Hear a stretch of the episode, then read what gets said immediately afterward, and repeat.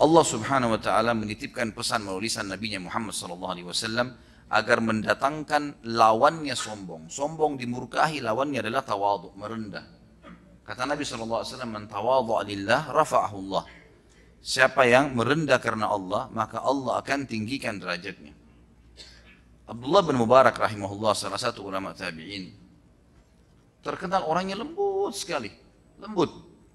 Kalau ngobrol orang suka berteman sama dia karena santunnya, lembutnya sampai orang berpikir Abdullah bin Mubarak ini adalah orang rumahan karena lembutnya. Satu waktu di kancah peperangan teman-teman di kancah jihad, pasukan muslimin bertemu dengan pasukan Rum dan ini di kancah peperangan lagi saatnya menunjukkan keberanian. Dan memang di pasukan non-muslim ini, pasukan Rum ini keluar satu orang yang badannya sangat kekar dan cuma bola matanya yang kelihatan. Karena semuanya besi, dari kepalanya sampai kakinya. Lalu dia memainkan pedang, yang pedang tersebut ya itu dikatakan dalam gambaran riwayat, kalau diangkat oleh orang biasa dari pasukan muslimin butuh dua orang. Besar sekali, kekar, membawa pedang ini. Lalu kemudian dia mulai menghantamkan pedang tersebut karena kuatnya dan tebalnya besinya itu ke batu dan batu itu bisa pecah dua, batu yang sangat besar di kancah peperangan. Kemudian teriak menantang kaum muslimin. Waktu itu dikatakan tidak ada satupun muslim yang berani maju. Melihat keadaan ini, mereka takut melihat keadaan ini. Keluar dari belakang pasukan teman-teman sekalian, seseorang yang poster tubuhnya tidak terlalu besar, sederhana, menggunakan imamahnya ditutup semuanya sampai masuk alisnya. Tinggal bola matanya saja. Keluar dengan naik kuda sederhana menjawab tantangan orang itu dari belakang pasukan, bukan di depan pasukan, dari belakang. Dia jalan, orang-orang semua hening melihat kejadian tersebut. Ini siapa muslim ini?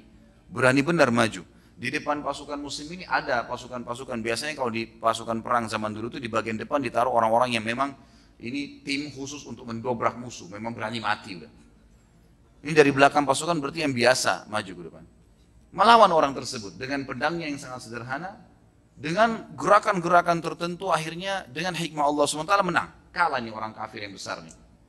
Sampai dia berhasil memenggal kepala orang tersebut yang besar ini, lalu dia mengambil kepalanya dan dia membawa ke tengah-tengah kaum muslimin. Dengan pelannya kudanya jalan kembali ke belakang pasukan. Orang semua bersuara, Allahu Akbar, Allahu Akbar. Orang bertakbir. Memberikan semangat kaum muslimin karena jumlahnya lebih sedikit pasukan dibandingkan pasukan kafir. Ada satu orang yang menceritakan riwayat ini kepada kita. Dia bilang, saya penasaran, ingin tahu siapa muslim ini. Lalu saya ikutin dari belakang. Terus sampai ke belakang pasukan. Dia sengaja ke belakang sekali dan ada celah beberapa pohon-pohon kurma. Orang itu ke belakang pohon kurma itu. Sengaja supaya nggak ketahuan gitu. Dia selip ke belakang, dia menyelipkan dirinya ke belakang. Lalu orang ini mengatakan saya berputar dari sisi yang lain pohon kurma tersebut.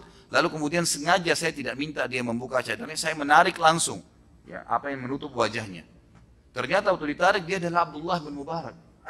Abdullah bin Mubarak tadi ini ulama tabi'in yang masyhur yang dikenal seperti anak rumahan gitu kan.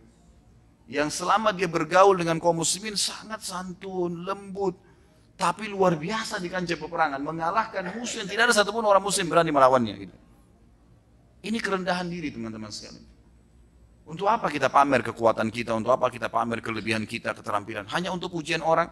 Kalaupun kita dipuji, apa yang kita dapatkan? Bertambahkah kemahiran kita dengan dipuji? Enggak. Sama sekali. Bahkan kalau pujian itu berlebihan, bisa membuat kita jadi grogi dan hilang keterampilan itu. Bukankah kalau kita mau membuat orang takut, pertanyaannya, apa manfaatnya kita buat orang takut? Gak ada manfaatnya sama sekali. Malah Nabi SAW dengan kekekaran tubuhnya, dengan kedudukannya sebagai seorang Nabi, beliau selalu merendah.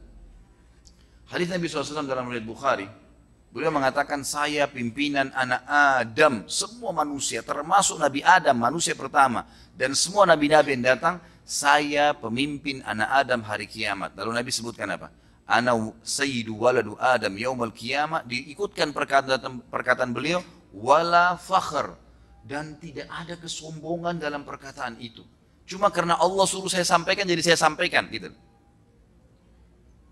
sayalah orang yang pertama dibukakan kuburan pada hari kiamat kata Nabi SAW gitu kan.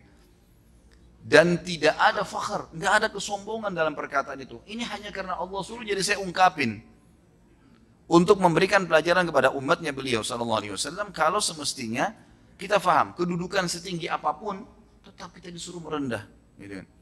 Kemudian beliau mengatakan dan saya juga yang akan ya, pertama meminta syafaat pada hari kiamat dan diterima syafaatnya dan tidak ada fakhr, tidak ada kesombongan dalam kata-kata ini terpaksa saya ucapin.